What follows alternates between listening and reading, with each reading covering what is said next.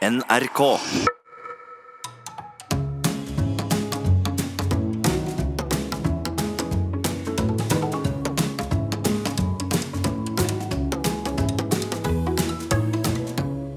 Hjertelig velkommen til Sånn er du, hvor vi, Nils Brenna Hei. og jeg, Harald Eia, som ikke er psykologer, noen av oss, Ingen av oss er det. Ingen av oss er det. Men vi har fått tilgang til psykologifagets mest anerkjente personlighetsanalyseverktøy, den såkalte femfaktormodellen, for dermed å kunne komme til bunns eh, i personligheten til interessante kvinner og menn. Og i dag, Nils, dette er spennende, så har vi fått tak i sosiolog, artist, skribent og samfunnsdebattant Kjetil Rollnes. Hjertelig velkommen. Takk, takk, takk. Kjetil, du er jo blant noen veldig kjent, men andre vet kanskje ikke så godt hvem du er. Det er vel flere nå som vet hvem du er, enn kanskje for enn det var for kanskje 25 år siden? Det var kanskje for, Før så var det kanskje sånn flere som visste hvem Jens Pikenes var. Ja, for fortell litt hva du har. For det, du har for det er altså mitt, mitt alter ego i bandet Pental Playboys. Og jeg, jeg har inntrykk av at før var det flere som visste hvem han var, eh, enn som visste hvem Kjetil Ronnes er. Mm. Eh, jeg tror nesten det har blitt omvendt. Mm. At eh, selveste, den glitrende paljettprinsen Jens Birkenes har havnet litt i skyggen for, eh, for eh, samfunnsdebattanten Rollnes. Du har flere bein å stå på, du, det, er blant de tingene som gjør deg interessant for oss. Okay. Du har jo ikke bare én hest du rir, du er jo da ved siden av å være artist En liten ponni ved siden av, kanskje? ja.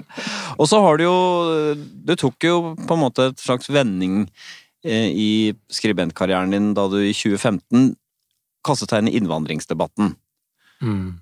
som eh, flyttet deg fra å være en eh, slags sånn observatør av eh, det norske samfunn, en frispiller som ingen klarte helt å sette i bås, til at du så var tydelig på at en del aktører i innvandringsdebatten ikke turte å diskutere en del ting, hvor du da ble plassert litt hardere ned på høyresiden, som jeg vil anta er en slags stempel eller, Feil feilplassering. ja, som du er, ikke er komfortabel med. Ja. Er. Nei, jeg, jeg har jo aldri tenkt på meg selv uh, som noen høyremann. Uh, kommer jo fra venstresiden, i hvert fall. Så jeg er en av de mange som mener at venstresiden har sviktet meg. Eller uh, altså, jeg har ikke sviktet venstresiden, venstresiden har sviktet meg. Det mener jeg og mange andre. Men jeg for- eh, tenker vel fortsatt at jeg er på venstresiden, altså. en sånn. Eh, Men akkurat denne debatten her, altså islam, innvandring eh, og eh, beslektede emner, det er da, Men det er jo et stort tema. da blir folk veldig alvorlige, og kanskje mer alvorlige enn jeg er selv når jeg debatterer det. Men det er jo et stort tema. Det, er jo, det var jo eksempel den viktigste saken i stortingsvalget i 2017. Så det er, jo noe som betyr mye for mange. Så det er Mm. svært. Ja, ja. Men det er jo noe av dette vi er interessert i her, Nils. Eh, Et menneske som er villig til å gå inn dit, for det er jo mange som har tenkt og tenker de samme tingene som deg i innvandringsdebatten, men som ikke orker å stå i det. Vil jeg tro. Det har jeg jo hørt eh, også fra kjente folk, altså folk som er mer kjent enn meg, som sier at det er veldig bra at du sier det du sier, for da slipper jeg å si det. Eller, eller da slipper sånne som meg å si det. Det går, det går litt på at man sier det som Altså sier ting som egentlig ikke er så veldig kontroversielle, men at du sier det, det mange tenker, som, som egentlig folk oppfatter som litt common sense. Og, jeg, og det vi er interessert i her, Nils, og kanskje vil få et svar på, eller kanskje ikke, er jo hva slags personlighetsprofil skal man ha for å orke å gå inn dit? Mm. Eh, Ikke å mene disse tingene, men at man står i det.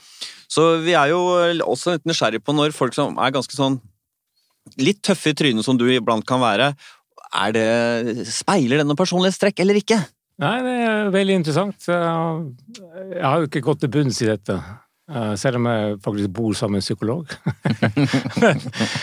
men, eh, det er klart at jeg spiller ut en, om ikke en rolle, så en annen side av meg. Altså, det er jo noen egenskaper med meg som blir forsterket, eller som blir mest eksponert når jeg går inn i rollen som typen en innvandringsdebattant. På samme måte som at når jeg går inn i rollen som Jens Pikenes, for eksempel, så er det også noen sider av meg som, som eksponeres der. Altså typen for, forfengelighet, som da kanskje er 10% av meg, blir 100% Nei, Jens Pikenes. Jeg tok opp dette, for det er alltid litt sånn spennende hva som ligger under hvordan folk er i offentligheten. For eksempel da vi hadde Hege Storhaug her, uten sammenligning for øvrig, som mange oppfatter som ganske hatefull. Hennes engasjement springer ut av en voldsom empati for undertrykte kvinner. Mm. Så det er ikke så lett å merke. så Derfor så er forholdet mellom personlighet og den man er i offentligheten, ofte litt sånn overraskende. Mm. Så la oss begynne, da, Kjetil, med øh, din eh, score på dette trekket som gir deg negative følelser. Skal vi se, da, Kjetil. Du som kan være så frekk med folk. Har du et eh, nervøst og plaget indre? Her er Kjetil Rollnes score på nevrotisisme. Nevrotisisme det er altså summen av negative følelser. Det handler om, Kjetil, hvor mye de negative følelsene preger deg sånn til daglig. Og vi begynner med en, uh, underdimensjon under nevrotisisme som heter depresjon. Men det er jo ikke en sykdomsdiagnose vi gir her, Nils. Nei, Det det, dette er ikke det kliniske. Dette er jo mer sånn uh, tendensen til å kunne gå ned. Føle seg trist og nedstemt. Så folk som scorer eh, lavt på depresjon, de er sjelden nedstemt. Opplever sjelden følelser av skyld og håpløshet. Hva tenker du om deg her, eh, Kjetil? Eh, veldig litt eh, deprimert. Du har Skuffende udeprimert. Du er i hvert fall svært, lite, svært lav på dette her. Eh, tallet er 32, minner om scoren 50 er snitt. 40 begynner å bli tydelig lavt. 32 nærmer seg 2-3% laveste. Ok, såpass. Ja, for den, la oss si, jeg ser for meg du åpner avisen, stort bilde av deg, og så står det et eller annet om at du er, eh, om ikke rasist, så i hvert fall sånn knallhard og kynisk og en med den andre. Mm. Så går du ut og lufter hunden din, jeg vet at du gjør det en del, på dagtid. Altså, hvis, hvis det hadde avisen, så må jeg gå rundt et ekstra kvartal med hunden. Ja, hvor lenge henger du med nebbet da? Før du på en måte er tilbake i eh, angrepsposisjon igjen? Nei, altså, det, det er så Det er ikke så interessant akkurat tid, men altså Jo. det, ja, men det kan jo være at jeg går og surrer på at jeg, øh, Ikke at jeg øh, går og bader i nedstemthet, men at jeg begynner å tenke på hvordan jeg skal svare. Eller, eller om jeg skal svare. Du er ikke Det er mer sånn at jeg er ganske kjapt Ja, det tror jeg faktisk. Jeg, tenker, jeg har ikke tenkt over det før, men at man kjapt går inn i sånn øh, Altså en positiv uh, forsvarsposisjon. Ok. Det som, det som jeg ble utsatt for der, var jo bare vås og tull. Eh, dette har jeg lyst til å svare på. Hvor, ja, bør jeg svare? Er det viktig å svare, eller bør jeg bare glemme det? Altså, Men dette er ikke nedstemt person. Det, da er du ikke nedstemt. Nei. da er du i- i en, videre. egentlig i en slags På en måte en offensiv posisjon. For Ja, fordi hvis du scorer høyt her, så går du og gnurer på det, og kanskje begynner å tenke «Eh, Kjetil Rollnes er et dårlig menneske, kanskje. Ja, ja. Nei, men det er jo det som er depresjonen, hvis jeg har skjønt riktig. Altså, du, du vender det mot deg selv. Ja, og så går Jeg ned i er, jeg, jeg, jeg er en verdiløs person. Ja, det er Eh. Jeg, jeg er ikke så flink som jeg tror. Eh, Det andre sier jeg kanskje rett. Er en eh, ikke-akademisk bølle. Mm. Det står jo i Dagbladet over to sider. det er skrevet av en professor. Det må jo være riktig. Faen. Eh, Det tenker jeg ikke. Jeg tenker at Denne professoren bør selv gå til psykolog, tenker jeg. Men det som er interessant, er at de som scorer høyt der, de kan også ha en sånn eh, veldig sterk, men samtidig litt diffus følelse av skyld. Mm. Hva... Men da har du gjort noe galt. Ikke nødvendigvis.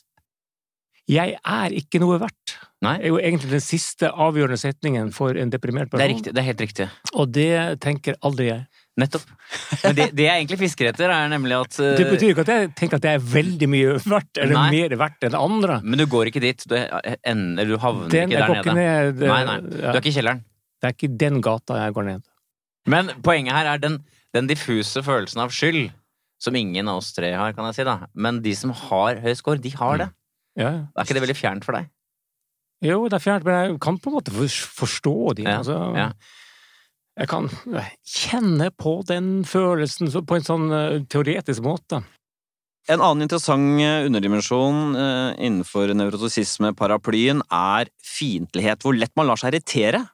Hvor sint man blir, hvordan man tar kritikk.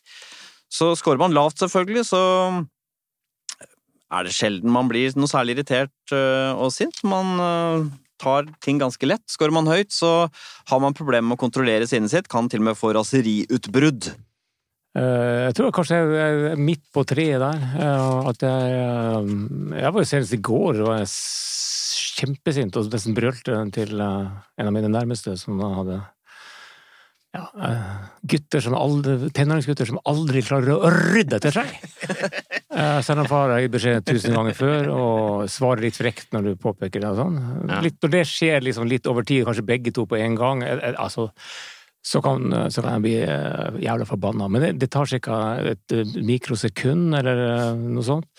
Du lager, er ferdig du lager det ikke som grums. Nei, absolutt ikke. Og jeg tror jo at jeg liksom har kontroll på sinnet. Det er ikke sånn at jeg liksom gjør ting jeg angrer på. Svartner ikke et halvt minutt. Nei. Du har fått ganske lav score, da. Mm. Uh, ikke kjempelav, men 42. Uh, det er en nokså tydelig score, tross alt. Ok. Jeg syns det er litt interessant også, fordi det er vel nok en del som tenker på deg, Kjetil, som en litt sånn sint, hvit mann. Ikke sant? Som er sint på samfunnsutviklingen. At det ligger en sånn der eh, raseri i bånn her. Men Ja. Det er ikke sinnet som driver det. Jeg kan ha vise, jeg har på en måte fått attest av dere Ja. på at jeg faktisk er hvit, men ikke fullt så sint. Det er helt riktig. Generelt, hvor vanskelig er det å provosere deg? Nei, jeg tror det har blitt vanskeligere og vanskeligere. Nei, ja, vanskeligere og vanskeligere fordi at uh, jeg begynner å bli vant til det, selvfølgelig. I 2010 så skrev Harald en ganske Du kan jo selv beskrive det, da, men de skrev en kronikk hvor han gikk til angrep på deg i en kronikk i Dagbladet. Ja. Vi, kan, vi skal jo snakke litt om det, men vi skal også snakke litt om hvordan du tok det. Men Harald, du kan forklare først eh, hva det gikk på. Vi hadde jo et program eh, den eh, høsten 2010 som het Storbynatt, Bård og jeg, som var litt sånn ymse kvalitet på. Og så skrev Kjetil et, en, i sin faste lørdagsspalte i Dagbladet en omtale av ikke bare vårt program, men en del andre. har ment at det var en slags humorkrise da, i NRK. Um, men en av de tingene han trakk fram som gjorde at jeg svarte, det var en sånn sketsj, et innslag vi hadde basert på en Brennpunkt-dokumentar, hvor det var en Nav-direktør som ble da konfrontert med noen, en eller annen sak om noe var det noen tannlegeassistenter som hadde blitt kvikksølvforgiftet, eller noe i den dur. Nå går du veldig inn i detaljer her, Harald. Ja, jeg er redd for å si noe galt, da blir det så detaljert. Iallfall så var det en Snakker face- bort i detaljer nå? Dagen før, eller et par dager før Kjetil skrev denne saken, så var det en debatt på Facebook, vi er venner på Facebook, hvor, hvorvidt denne innslag, dette innslaget vi hadde, var å gjøre narr av hun dama fordi hun så rar ut, eller var en ynkelig type. Og så følte jeg at jeg liksom ikke nådde fram med mine argumenter. Jeg kunne jo være enig i at det programmet vi lagde ikke var så helt perfekt, men jeg syns det var urettferdig med den derre at det var en sånn hets mot fordi hun var dame og så rar ut, og den type ting. Det var i hvert fall det, sånn som jeg husker det, gjorde at jeg svarte. Ja. Og da svarte jeg ganske stygt. Det kan jeg enig om. Men eh, ja, altså Hvis du vil ha min ærlige mening om det du sa nå, så er det fullstendig uh, avledningsmanøver. Fordi jeg skrev altså en, skrev altså en tekst uh, om tre programmer. Og jeg brukte uh, kanskje ett lite avsnitt på Storbynatt sesong to. Som jeg skjønte jo etterpå har innrømmet selv, jeg, kanskje ikke, ja, ikke var helt der. Eh, og eh, jeg la ikke noe stort poeng på den scenen du snakker om nå. Og du gjorde heller ikke det når du svarte. Det som var interessant for svar som psykologisk, var jo at det var så, så rett på. Altså, jeg fikk følelsen av ok, nå nå skal jeg faen meg ta denne typen. Personen Kjetil Rollnes skal nå uh, knuses. Ball og mann. Ball og mann var liksom blandet sauset litt sammen. Ja, ja. Og eh, du refererte jo til alt mulig rart. Altså eh, julekonsertene, eller hva- jeg hadde eh, min, hva, Hvordan jeg oppfører meg for, overfor butikkpersonalet på på, I nærbutikken, der du for øvrig skrev at eh, en dame, hun, hun som jeg hadde kritisert da i, i min rørspalte, at hun var bare en sånn vanlig menig uh, kassadame. Noe hun ikke var. Hun var butikksjef. Så, så det unnlot du selvfølgelig å nevne. Og så videre. Og eh, ja, stipender jeg hadde fått, og i bøker jeg ikke hadde skrevet. Al altså alt, alt som kunne brukes mot han, samlet da Harald Eia i blodtåka for å ta.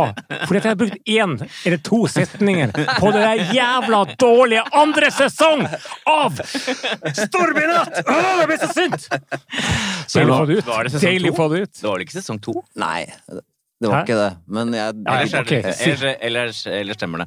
Men det, og ikke sant? ja, for Altså, det, så nei, det var det som måtte bli den siste sesongen av Stortinget. men, så det blir jo det, men det vi lurer på her, Kjetil altså, eh, Ja, ja, Det uetiske det gjorde, det er vi enige om. Men hvordan opplevde du det med den scoren du har på eh, Fiendtlighet. nevrotisisme? Lav fiendtlighet og uh, nei, altså, jeg ble jo eh, jeg kan, Det er vel kanskje det jeg ble mest forbanna på der og da, uh, av noe som jeg har lest om meg selv, fordi det var et sånt karakterdrap, og av en som uh, jeg på, på en måte kjenner og er ja, en, en slags venn med. Uh, men nå pleier jeg også å være ganske tøff med venner, men, men da er det jo i forhold til noe saklig. Mm. Ikke, eh, går aldri på person, Mm. men det er også veldig tydelig på- mot person. Eh, Men nettopp fordi det var mot personen, så føler jeg også at da trenger jeg ikke å ta dette så ille opp. For det er helt åpenbart at, eh, at eier i dette tilfellet kanskje ikke har så veldig gode motargumenter. Ja. okay, men, var det sånn du tenkte, da- men var det sånn du tenkte? ja, men så tenkte jeg at det var så personrettet at det ville vært helt håpløst for meg å svare Ja. eh, direkte. Jeg kommer med et lite svar på noen påstander, men, men ehm, Men interessante her er jo da hvordan er, hvor lenge altså, ligger gre det i Greia var jo at jeg ble, jeg ble jo uh, altså, forsøkt hyrt inn til, uh, til uh, Hjernevask, å være med i redaksjonen i Hjernevask. Kort tid, et, bare ett år før. Ja. Fordi at det som jeg skrev var så jævlig bra, og jeg hadde rette, rette innstillingen og sånn passet her, Ja. ifølge Harald Eia. Ja. og, så, og så går det ett år, og så skriver jeg litt slemt om Harald Eia. Og da er jeg en spaltist på tomgang! Så fort kan det gå, det er rart. Eh, Men det jeg lurer på fortsatt, er jo hvor lenge satt dette i deg? Etterpå. Nei, altså, eh, vet du hva? Eh, Av og til så blir jeg nesten forbauset selv over hvor kort tid det sitter i. Nettopp. At det bare er sånn veldig følelse av gruff. Mm. Kanskje i dag eller to. Men eh, der man også fort går over i eh, å liksom finne ut hvordan skal jeg takle hvordan skal jeg, ikke, ikke takle psykologen, men hvordan skal jeg takle offentligheten? Skal jeg svare, eller Ja, hvordan skal jeg sånn, svare? Sånn. Mm. Og, og så Og så eh, Nei, altså, det er et eller annet med at bare tiden leger alle sår. Men det er litt sånn at, uh, at etter en stund, hvis jeg liksom, møtte deg igjen på gata Det var ikke sånn at jeg, jeg møtte deg på loppemarkedet. Det var ikke sånn at jeg tenkte faen, jeg sitter han er fæl fin liksom, du gjorde ikke det? Nei. Men hva skal vi si da, Nils? Kjetil er ikke en spesielt tungsindig, og han eh, er ikke en hissigpropp, men er han nevrotisk på andre ting? Nei, I sum så er du såkalt lite nevrotisk. Eh, Tallet er 40. Det vil si at det er ca. 85 som er mer nevrotisk enn det du er. Ja. Du er lav på det som eh, kalles depresjon, som jeg snakka om, og det som heter fiendtlighet, som vi også har snakka om. Og så er du også lav score på det som heter sårbarhet for stress. Det vil si at du tåler stress godt. Mm, ja. Ja, ja, ja. Og så er du touch av lav, som vi sier, på engstelse. Du er ikke spesielt bekymra. Og så er du også touch av lav på det som heter impulsivitet. Det vil si at du, mm, ja, kort fortalt, du må ikke spise deg stappmett selv om du har mye god mat rundt deg. Eller spise potetgullet selv om det er mye igjen. På det som heter selvbevissthet, eh, så er det bare på snitt. eh, Det vil si ikke spesielt lav. Eh, Og det er, er du bitte litt sjenert. Absolutt. Ja, du er det. ja. Ja, ja, ja. Hvordan merker du det? Jeg merker litt nå når du ser på meg her nå, og jeg sitter i studio. Og hadde det vært TV-kamera, så, Ja, det er det. så hadde jeg kanskje svelgt, eh, svelget Ja, for du, enda en gang. ja, for du, ja, du, du I utgangspunktet er jeg faktisk ganske sjenert. Ja, du er det. Og det har vært plagsomt uh, i mange år. Det? Altså i forhold til, til enkelte situasjoner. For eksempel det å være på, på TV. Alltid syntes var superskummelt. Ja, du har det.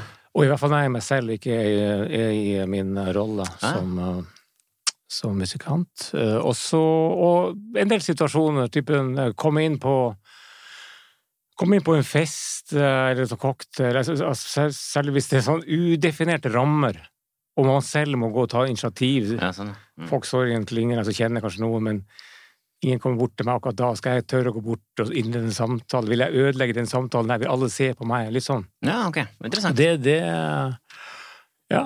Så er jeg nok mindre av en uh, sånn smooth eh, fyr på hagefest enn det kanskje noen tror og oppfatter. Er det sånn at du unngår TV-programmer av dette? Uh, jeg tror at jeg i noen tilfeller har sagt uh, ja. Jeg har sagt nei. Eh, f- Med litt dårlig Dårlig begrunnelse. Altså, satt nei til Dagsnytt 18, og jeg tror jeg, tror jeg sa nei til Nytt på Nytt Og så Ja. jeg, hvis, jeg, hvis jeg er hvis jeg det har tror litt med det å gjøre. Ja. Men jeg tror det har, heldigvis, jeg tror det har blitt litt bedre. Altså, jeg, jeg har mer kontroll på det nå enn før. Ja. Uh, så jeg tror jeg ville vært mindre engstelig. Men altså, det, sånn, snakk om nev- nevrotisisme, altså, tenker jeg altså, at jeg kan være nervøs i sosiale situasjoner, i, et, altså, i en konkret situasjon, i det øyeblikket. Eh, da knyttet til sånn eh, Ja, nå ser de på meg, nå vet jeg ikke helt hva jeg skal si, eller hva jeg skal, Mm. skal gjøre og sånn. Mm. Men ikke at jeg liksom etterpå er Altså eh, Det er veldig knyttet til det blikket du får på deg. Det er akkurat det. Eh, Så det er ikke sånn at jeg bringer det med meg og går og surrer på det. Nei, men der og da så kan du kjenne på det. Ja. Nettopp. Men ifølge vår test er du ikke veldig plaget av eh, sosial angst. da. Det er- Dette er vanlig. Midt på tre-score er det du har. Jo, jo, for jeg, jeg tror at den følelsen jeg snakker om nå, er vanlig. Eh, men noen vil jo sikkert tro at jeg ikke er det, for at jeg Ja. virker litt tøff i debatter og sånt, og har vært en del på TV, og har denne eh, alter egoet som er det motsatte ja, Mm. ytterlighet, ikke, Ikke sant? Som tør alt. Skamløsheten selv. Ja. Men det er jo en eh, rolle og en maske. Hva er det som får folk til å gå frem i offentlighetens eh, lys? Den vanligste teorien jeg hører, eh, er jo oppmerksomhet. Ikke sant? Noen tenker at uh, det finnes mennesker som elsker oppmerksomhet, de vil bli sett, få anerkjennelse. Og de som får mest glede og kick av oppmerksomhet, det er folk som scorer høyt på neste personlighetstrekk, ekstroversjon. Hvordan scorer Kjetil Rollnes her?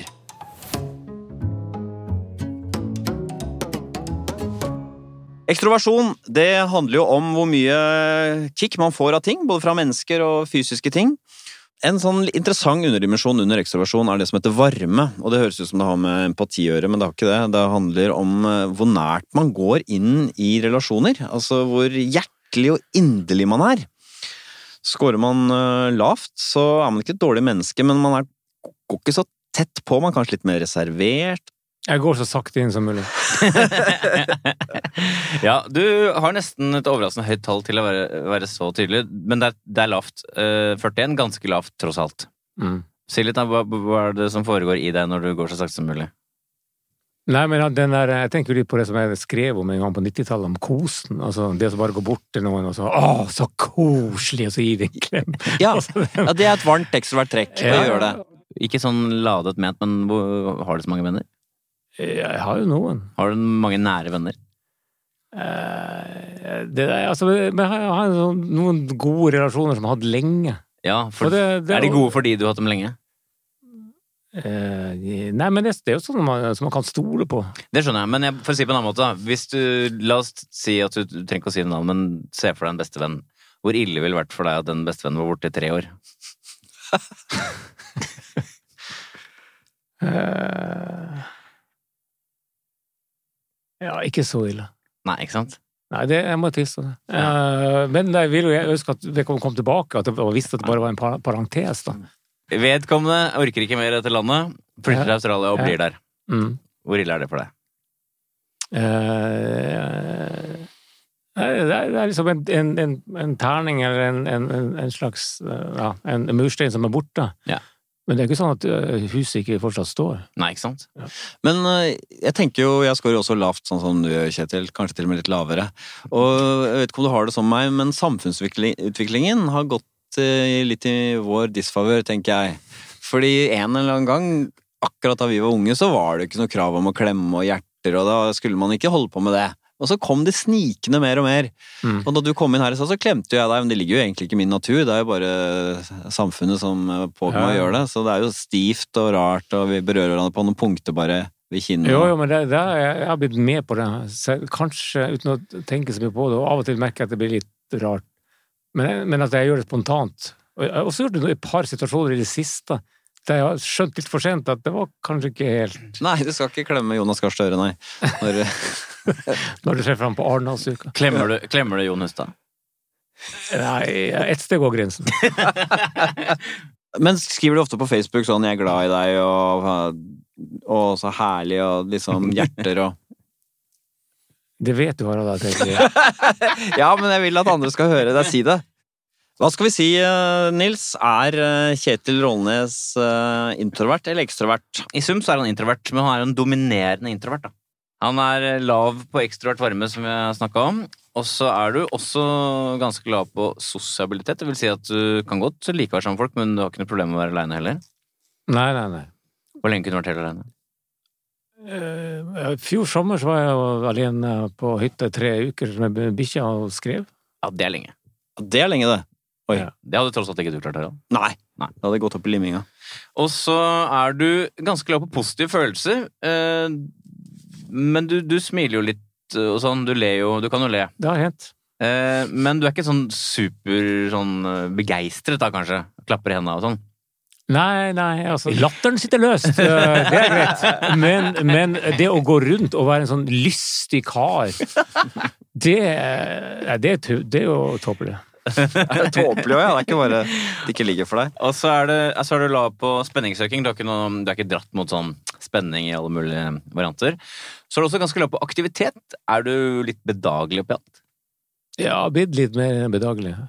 Uh, altså, for, altså heller dra på ferie på hytta enn å, enn å, enn å reise utenlands. Det er så mye pes. Det er så mye masse praktiske ting. Det koster penger òg. Det eneste ekstroverte trekket du har, er at du scorer høyt på selvmarkering. Det betyr at du tar mye plass sosialt når du først er til stede. Og vi kan derfor kalle deg en dominerende introvert. For å oppsummere så langt, Kjetil, så er du en ganske uplaget type som er i offentligheten eh, ikke nødvendigvis for du får så stort kick av det, ifølge vår test, eh, men selvfølgelig det at du liker å si hva du mener, det gir jo et push inn. Men eh, spørsmålet blir jo nå, når du havner i såpass mange feider, henger det sammen med at eh, du bryr deg om eh, folk som kommer dårlig ut og vil forsvare dem, og, og angripe de som fillerister de hensynsløse, eller er det det at du er ganske glad i strid?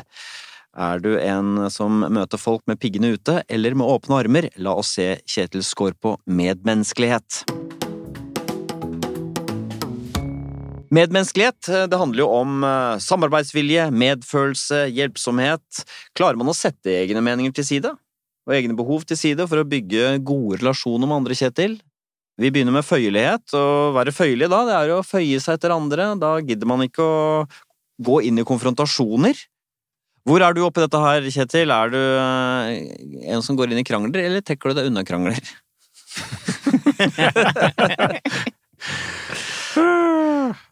Nei, altså, hvis jeg sier noe annet enn at jeg ho ø, bykser hodestups inn i enhver krangel, så vil jo folk bare le. Du er uh, veldig tydelig lav her. Tallet er 31, du nærmer deg 1% laveste. Men det er veldig Altså, hadde jeg fått skjema deg, altså, svar på deg som offentlig person, svar for deg som uh, privatperson, så ville det vært litt forskjellig. Det skjønner jeg. Men er, det, men er det å ta i å si at du er en kranglefant? Eh, jeg syns jo ikke det, det er noe begrep Jeg føler meg jo ikke vel med det begrepet, rimeligvis. Jeg opplever det som et negativt begrep, så det, Ja. det, er, det er det vel. Men uh, um, uh, Men men, men, det, men, men jeg går ikke av veien hvis jeg eh, føler at ok, her har jeg noe jeg kan si som, jeg, som bør sies, og jeg vet at dette vil noen reagere negativt på. Jeg vil kanskje få masse kjeft, men jeg sier det likevel. ja, og hvordan er det da å si ifra? Er det ubehagelig? Eh, både og, for ofte så får jeg jo jeg får jo ikke bare negativ respons, jeg får jo også mye positiv respons. Men er det ubehagelig det å liksom stå i den friksjonen? Ja, men, ja det er både og. En veldig ambivalent følelse. Ja, det er det. Ja. Men alle skjønner jo at hvis alle debattanter skulle sky ubehaget, så hadde vi ikke hatt noe debatt.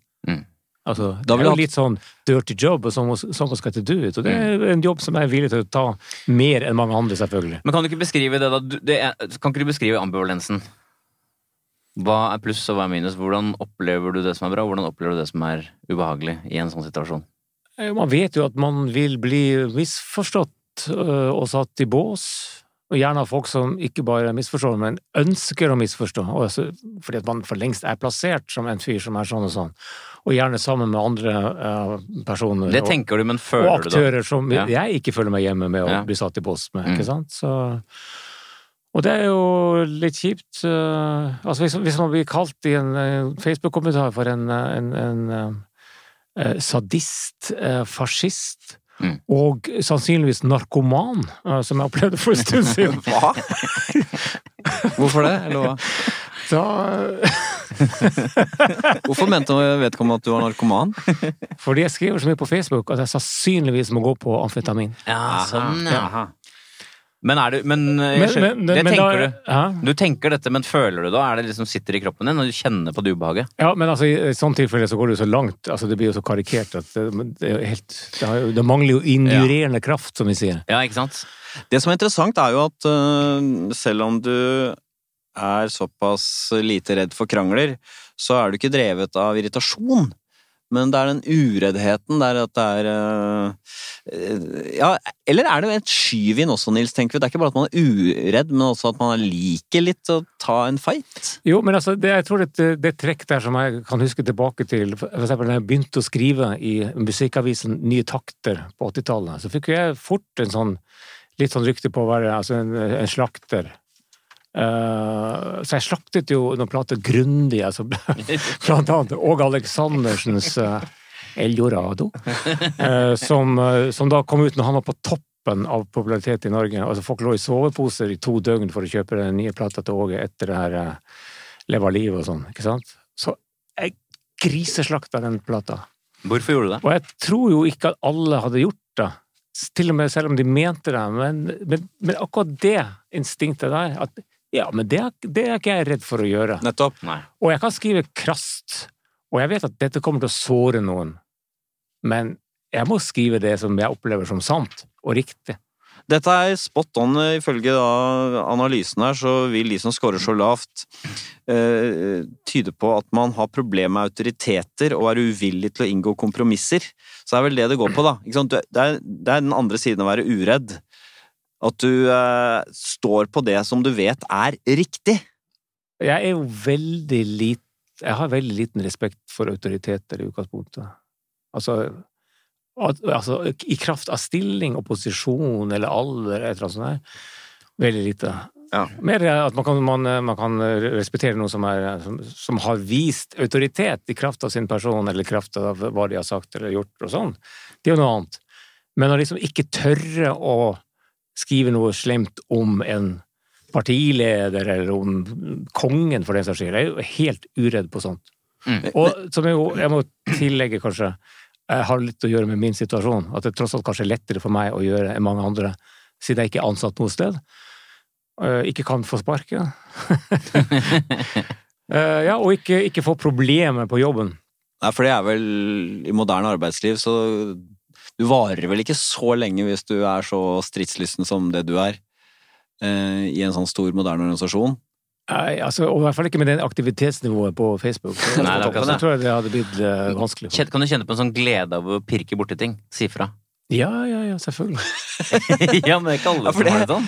nei, nei, men det er greit. Altså, jeg har det sånn med Harald. Ikke? Ja, du, har det, du er litt dobbel på det. Ja, jeg merker at Kjetil har den samme trollsplinten i øyet som det jeg har. At jeg fort ser, ser fort svakheten i et resonnement, og det som ikke henger på greip. Kanskje et feil ordvalg, men du er nok raskere ute med å si det enn det jeg er. Eventuelt å stå i det. Du kan kanskje si det litt fort. Ja.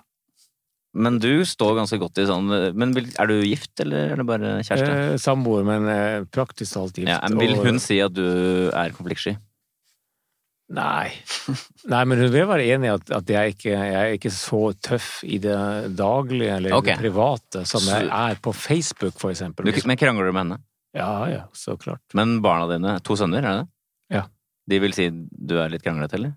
Mot dem? Mm, Ja, altså jeg og min eldste sønn, vi har noen sånne kverulantrunder av og til. Det har det. Hva kan det være om, for eksempel? vi, vi vi krangler om hvem som er mest kverulant. er det sant? Ja, da av og til så ender det opp i en sånn meta-meta. Hvor gammel er, hvor gammel er han? 17. Ja. så- Du blir stolt av han, da. Akkurat som far sin. Jo, men jeg, det- jeg syns jo bare det er irriterende, for jeg føler at det er helt, altså, helt, helt utrolig lite produktivt. Altså å svare på det. Men allikevel så gir du deg ikke når du er i den diskusjonen med han. Jeg forsøker å forklare han eh, selvfølgelig at her har far rett.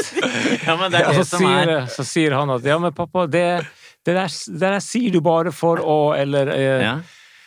Ja. eh, hadde ikke du sagt det på den måten, så hadde ikke denne situasjonen oppstått. Ja, men uh, Poenget er at hvis du hadde hatt høy score, så er det sånn ja, ja, jo, jo. Ja, nei, men eh, det er ikke Ja, men det er lite, ja, er lite sånn. Det er mulig at jeg kanskje burde ha tråkka litt mer til i skjemaet. og vært, ja. Nei, du har, Husk på at du er en, nesten 1 lavest her. ja, ja, ok. 1% Ja, men da, da har jeg vært ærlig likevel. Men eh, Jens Stoltenberg sa nå, og jeg siterer han etter hukommelsen, kanskje ikke helt riktig, men han sa at det er noen mennesker som eh, er opptatt av å få rett, og så er det noen som er opptatt av å få til ting. Og det han mente med det, var at skal du få til ting her i verden, så må du inngå kompromisser og ikke alltid stå på ditt. Ja, ja, ja. Hva tenker du om det? Det er helt klart eh, dårligst på det, og så best på å ha rett.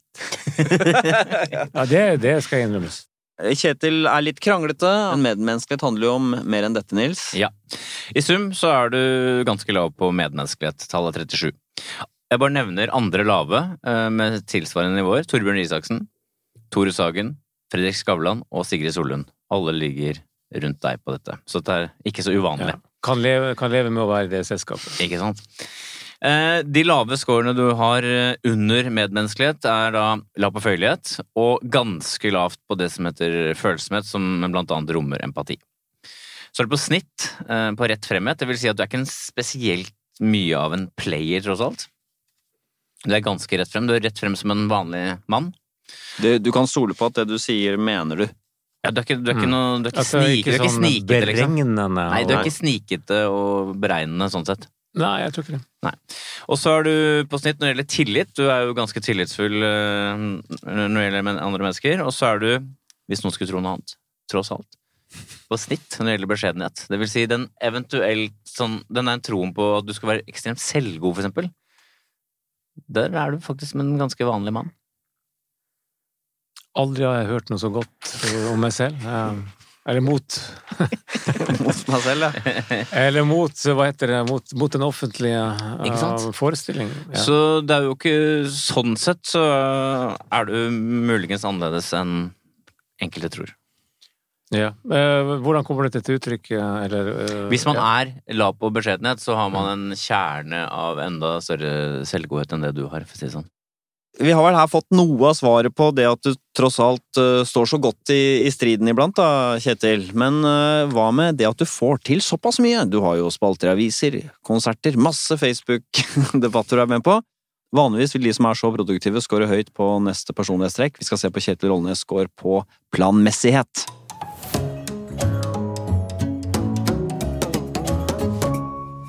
Planmessighet handler om viljen og drivkraften til å prestere for å oppnå sine mål. Hvordan man tar tak i oppgaver og gjennomfører dem på. Tvinger det gjennom, selv om man kanskje ikke syns det er så spennende og interessant. Og den en underdimensjonen som særlig fanger opp dette, er eh, selvdisiplin. Hvordan man fullfører oppgaver til tross for kjedsomhet og distraksjon. Folk som er lave her, kan lett skli ut og vekk når det er kjedelig. Hvorfor lo du? Ja, nei, jeg hører hjemme der. Altså siste gruppa. Ja, du har tydelig lavt. Tallet 36. 5-6 laveste, faktisk. Fortell, da. Mm. Hva, å stå i det kjedelige og skulle fullføre. Nei, men Det er jo en av grunnene til at man ikke har jobb. Uh, fordi at hvis du har jobb, så må du gjøre en del kjedelige ting. Det er derfor man betaler folk for det, fordi det er kjedelig å gjøre det. Ja, Og all ære til de. Vi er, vi er utrolig takknemlige for den jobben de gjør. Og, ja. Men bare jeg slipper å Hvor har du fått pengene fra? eh, det, Er det lov å spørre sånn? Ja. Nei, men det er masse små Mange bekker små på sånn skriverier og foredrag og, og opptredener og sånt. Mm. Så, og et, et bra julegratiale. ja, nettopp. Med disse konsertene på på, ja. Ja, nettopp. Hvor mange konserter er du har i desember? Eh, Det blir vel fem, tipper det blir fem utsolgte hus i år. Du er avhengig av å jobbe ut fra lystprinsippet, med andre ord, ikke sant? Hvis det ikke er gøy, så stopper det litt opp for deg? Ja, jeg føler at det er kanskje mitt største privilegium når det kommer til det, det, det yrkesmessige. Jeg kan nesten gjøre hva jeg vil, når jeg vil. Har du noen eksempler på ting som du tidligere i livet begynte på, og som var kjedelig, og som bare ikke ah, Dette gidder jeg ikke. Jeg var jo litt lærer på eh, det som da het Oppland distriktshøgskolen, altså Lillehammer høgskole. Ja, det var det? Eh, Men selv da klarte jeg å styre unna ting. Og Da var du også lærer i I eh, markedsføring Jeg var vel eh, Hva heter det? Amanuensis i markedsføring på, på reiselivslinja på, på eh, ja, Oppland distriktshøgskole. Hva var de kjedelige tingene der som du ikke orka? Eh, nei, men sånne rette oppgaver eller eh, ja, veiledning kan også være litt. Eller det, altså å, å, å holde forelesninger om, sånn, om, om uh, standard pensum. Ja. Altså, jeg, jeg foredrar jo gjerne, ikke sant? Men Ja. da er det jo altså, mine greier og mine historier og mine eksempler og mine morsomme bilder. Det er jo gøy. Mm. Men å liksom stå der og, og tenke at ja, men denne jobben kunne jo kanskje andre ha gjort egentlig like godt som meg, og kanskje til og med bedre, fordi at de Skulle ønske du hadde mer av det, den, den selvdisiplinen. Eh, Nei, men Selvdisiplin skulle ønske at mer av vi får til å gjennomføre prosjekter som er litt sånn overmannet, og liksom man vet ikke hvor man skal begynne, og ja, kjedelig å, å komme i gang med ting. Og det er litt sånne store skriveprosjekter. Men altså, jeg har også oppdaget Altså, jeg er jo egentlig prinsen, eller kongen muligens, av prokrastinering. Mm. Altså selv sånne ting som burde være ganske morsomt. Jeg merka det nå, nå her om dagen. altså det å gå inn på, sånn, eh, på noen nettsteder der jeg vet det er masse morsomme klær som jeg og resten av bandet kan bruke til jul på julekonsertene, det syns jeg er litt gøy. Men selv det har jeg klart å utsette og utsette. Så jeg liksom ser på kalenderen Faen, jeg må faen bestilt de klærne, så blir det for sent. Må krysse av på sånn ekspresslevering og Ja, ja, ja. Så, eh, så det er ikke det er, blir stadig overrasket over meg selv om hva jeg er i stand til å kunne utsette. Men jeg kan hive meg fort rundt på hvis det er noe morsomt som dukker opp. Ja, det er sant, ja. Ja, det er, lyst, det er lystdrevet. Det er det Ja, som er veldig, poenget. veldig lystdrevet. Og jeg kan også gå tungt inn i sånne prosjekt, altså noen sånne innredninger, innredning, et eller annet der, eller eh, sånn der vintage hi-fi, gamle Tandberg-forsterkere, et eller annet, så kan jeg liksom sitte på Finn, altså bruke mer tid på Finn en periode enn jeg gjør på Facebook. Mm. For å finne noen gamle, kule greier som jeg kan- kan kjøpe, og, eller lære mer om. Og, Mm. Ja, Fins det noen sideplater til TR1000 som er i palisander? For jeg har eh, bare teak, kanskje litt kule palisander. Ja. Lavt selvdisiplin, eh, Nils, betyr det at Kjetil er et lite planmessig menneske? Er han en rotekopp, for eksempel? Nei, i sum så er du på snitt når det gjelder planmessighet. Du er da lav på selvdisiplin, og så lav på plikttroskap. Det vil si, du har ikke, som vi kanskje har vært litt inne på, du har ikke sånn nødvendigvis sånn at du gjør det bare fordi noen sier at du skal gjøre det. Og så er du på snitt når det gjelder prestasjonsstreben, som blant annet rommer det å være ambisiøs. Og så er du høy på kompetanse, det vil si at du, du har ganske god tro på at du får til ting. Du har god selvtillit. Eh, Får ting til Ja, at du tror på at du Jeg vet hva jeg snakker om, er det innenfor eh? Du, du, du tenker på deg selv som en som har god dømmekraft, god fornuft, er effektiv eh, når du skal gjøre ting. Ja, hvis du stryker det siste, så Ja. Så scorer du høyt på trekket betenksomhet, som betyr at du er grundig. Ikke sant? Du er grundig, du gjør ting grundig. Uh, Ja, og det, det tror jeg kanskje er mer enn det sikkert en del folk tror. Ja, nei, for det er du. Og så er du ganske høy på orden. Du er jo et mangfoldig menneske, Kjetil. Om du ikke er et renessansemenneske, så gjør du jo mye rart. Du synger, snakker, skriver, uh, debatterer. Uh, Og virker som en nysgjerrig type. Altså, opp, men opprinnelig så var jeg først og fremst flink til å tegne. Var det det? Til og med det. Ja, det var mitt store talent da jeg var liten. Er det sant? Som jeg bare blitt liggende helt brakk. Men det vi hører her, er at dette er et menneske som er mangfoldig, og kommer dette til uttrykk da? Skal vi se. Kjetil Rollnes går på åpenhet for erfaringer.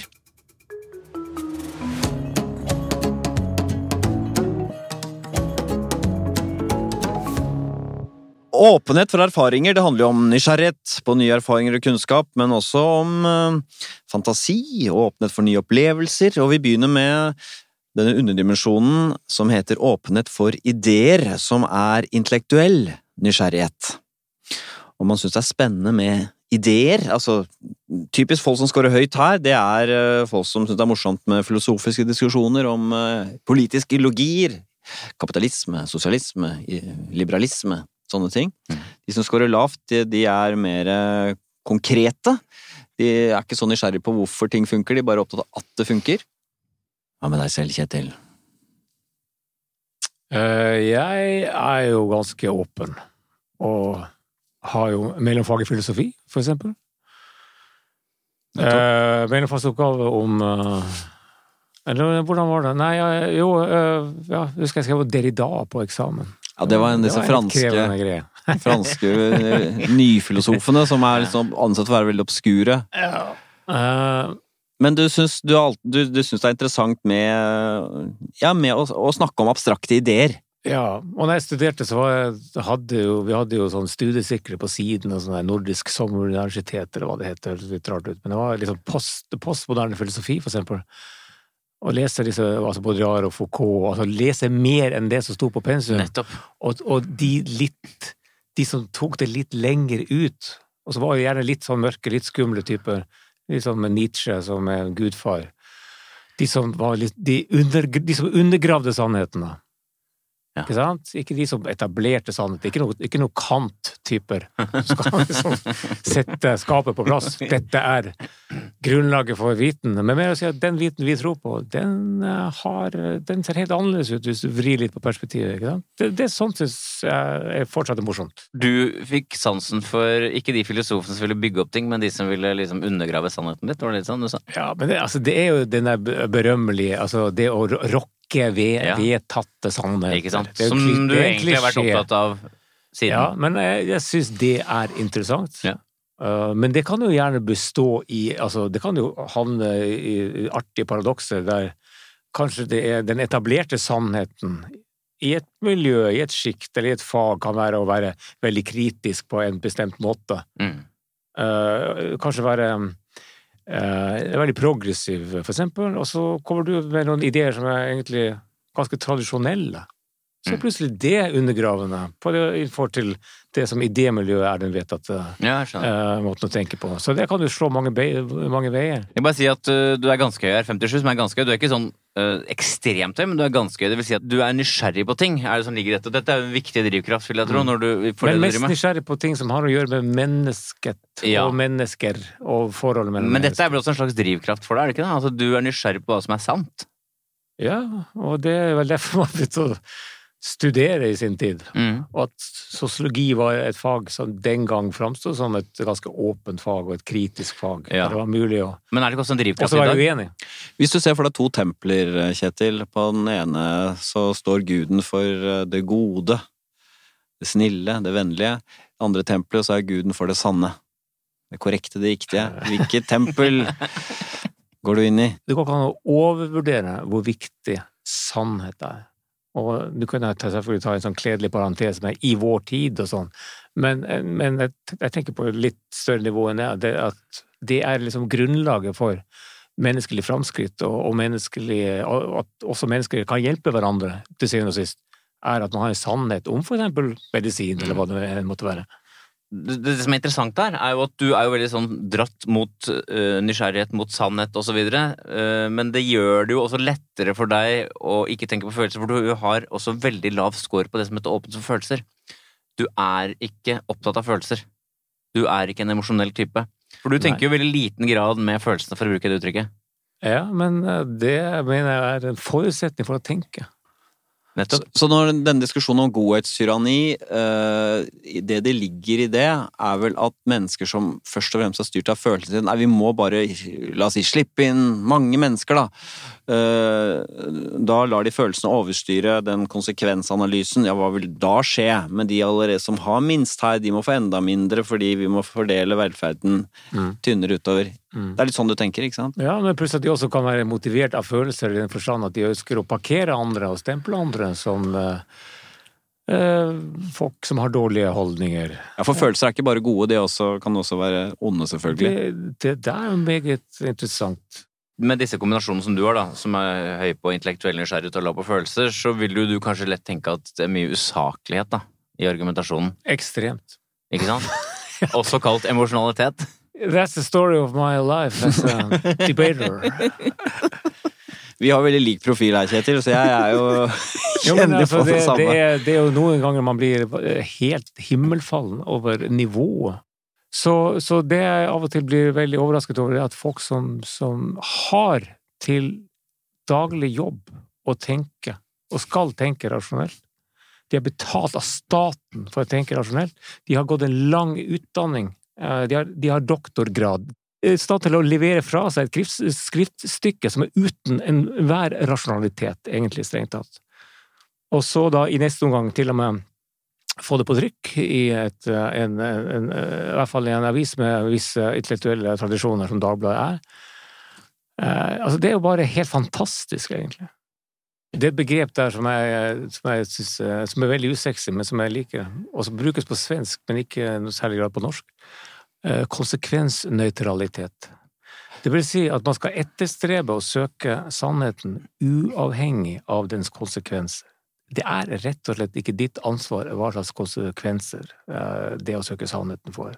Muligens med noen helt spesielle unntak, sånn der atombomber og sånt, ikke sant, men, men, men det å generelt tenke at uh, som SS, forrige SSB-sjefen satt på Dagsnytt 18 og sa rett fram vi, vi bør unngå å lage en statistikk om uh, det som kan uh, stigmatisere enkelte grupper som er helt horribelt utsatt. Mm.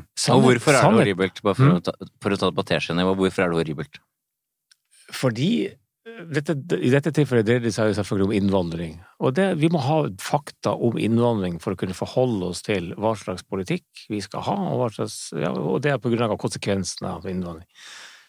altså det, er liksom helt åpenbart altså innenfor det som den store norske faktasentralen skal drive med, og hvis man sier at vi skal styre unna denne viten, vi skal ikke vite noe om dette som er et viktig politikkfelt, og som du var inne på innledningsvis, ikke sant, forrige valg så sa folk at det var det som var det viktigste emnet, altså velgerne sa det ved stortingsvalget. Og det er jevnt over svær debatt om det hele tiden, så er det jo desto viktigere å få fakta på bordet. Eh, det verste er jo å, å si at ja, det, disse, disse, dette skal vi ikke vite noe om. Det er jo ingenting som fyrer opp for eksempel alternative medier mer enn, enn at de, får følelse av at her er det noe som eh, myndighetene, som eliten, ikke vil at vi skal vite. Derfor trengs vi, ikke sant? Ja. Og, og, de har jo selvfølgelig et helt uvitenskapelig forhold til dette her, og trekker konklusjoner som kan være drøye og ille så er det desto viktigere at det er ordentlige folk som, eh, som er nøytrale, som bringer disse faktaene på bordet. Er, er Arbeiderpartiet, et av Arbeiderpartiets problemer at de er for emosjonelle? Altså, jeg, jeg, skrev jo det i Dagbladet for eh, ja, et par år siden, ikke det? Altså, når vi hadde debatten om oktoberbarna, de såkalte oktoberbarna, eller oktobermennene, som så ut som barn Hva var det for noe? Nei, men Da var det jo da var det jo Arbeiderpartiet snudde i denne saken. Og det var, altså Jeg forsket jo litt på det. si, hva saken, si bare si hva saken er. Saken var at TV 2 kjørte en veldig hard kampanje for disse, disse um, asyl, unge asylsøkerne, at de skulle få bli, og visste tåredryppende scener fra sånne vergeforeldre og som sto og gråter, og de ender opp under broen i Paris, og så. Og så var det jo noen enkle spørsmål som ikke ble stilt, blant annet hvor gamle er de? Altså Flere av de som var på skjermen, var kanskje nærmere 40 år enn de var, eh, enn de var 17, liksom. Og så og hvis og man sitter, Ethvert fornuftig menneske sitter og ser på dette her og tenker what the fuck, dette her er jo helt ko-ko. Men det, det var De trykte på så mange emosjonelle knapper, altså disse reportasjene, at det sitter folk, særlig ute på sånn lokallag i Arbeiderpartiet, og blir forbanna. Er dette offisiell norsk politikk? Her må vi besinne oss, og så videre, ikke sant? Og, og her må vi bruke følelsene, gode følelser som, som, som, er helt legitime og riktige i denne saken. Og så snudde Arbeiderpartiet. Altså, det er helt, helt direkte konsekvens av en emo-bølge eh, som var initiert av en TV-stasjon som ikke var interessert i å vise sannheten. Følelser spiller liten rolle i Kjetils liv, eh, Nils. Eh, ja. Fornuft, argumenter mer, ideer, men sånn ellers åpnet for erfaringer, fantasi, estetikk. Hvordan ligger han an? Uh, I sum er du på snitt når det gjelder åpenhet. Du er lav på følelser og lav på fantasi. Og så er du på snitt når det gjelder det som heter handlinger, det vil si det som handler om variasjon. Du er, der er du midt på treet mellom rutiner og variasjon. Så er du på snitt uh, på estetikk. Det skal sies i parentes her at du er høy på musikk og lav på dans og dikt. Ja. og så er du da høy på det som heter ideer, som fanger intellektuell nysgjerrighet. La oss uh, forsøke å samle trådene her, Nils. La oss se på hele Kjetil Rollnes, hvem er han egentlig? Kjetil, vi innledet med å lure på hvorfor det ofte blåser eh, rundt din person, eh, om det kan henge sammen med dine personlighetstrekk, og vi har jo funnet noe her, Nils. Mm. Du er jo eh, en lite plaget type, så hvis du er en ertekrok, så er det altså ikke fordi du bærer på masse indre smerte, så det, svaret ligger ikke der. Og du er ikke noe oppmerksomhetssyk. Um, Du er ikke noe selvopptatt heller, men du liker jo å ta ordet, så der er det en sånn derre glede i å å føre ordet, da. Og det litt harde ved deg er vel både i det at du på den ene siden ikke er så opptatt av følelser, og eh, på den annen side er veldig opptatt av sannhet, og på den tredje side ikke er redd for å krangle, og heller ikke opptatt av å fremstå som god. Disse tingene er vel med å gi deg et skyv, eh, Kjetil, inn i disse debattene og gjør deg til nådeløs, men også fryktet motstander. Altså, I jakten på sannheten så er det fornuften som regjerer. Derfor følelsene holder seg unna. Ja. Men jeg tenker at veldig mange er jo sinte på deg, men jeg tror det er enda flere som ikke bare er uttrykkelig enig med deg, men som i sitt stille sinn er enig med deg og glad for at noen tar på seg den jobben med å være så tørre å være så ja, kranglete eller sannhetssøkende, eller hvilket ord man vil bruke. da. Så det er bra vi har sånn som Kjetil også. Nådeløs på sannhetens vegne. Synes jeg du var Jeg har aldri hørt deg så varm og empatisk og fin som nå, Harald. Takk for at du kom og delte så villig vekk. Ja, men jeg tror jeg slapper litt mer av på disse greiene eh, mer nå enn jeg gjorde for før. Eh, det er ikke så farlig, på en måte. Eh, ja. Takk for at du kom, Kjetil. Veldig hyggelig å være her.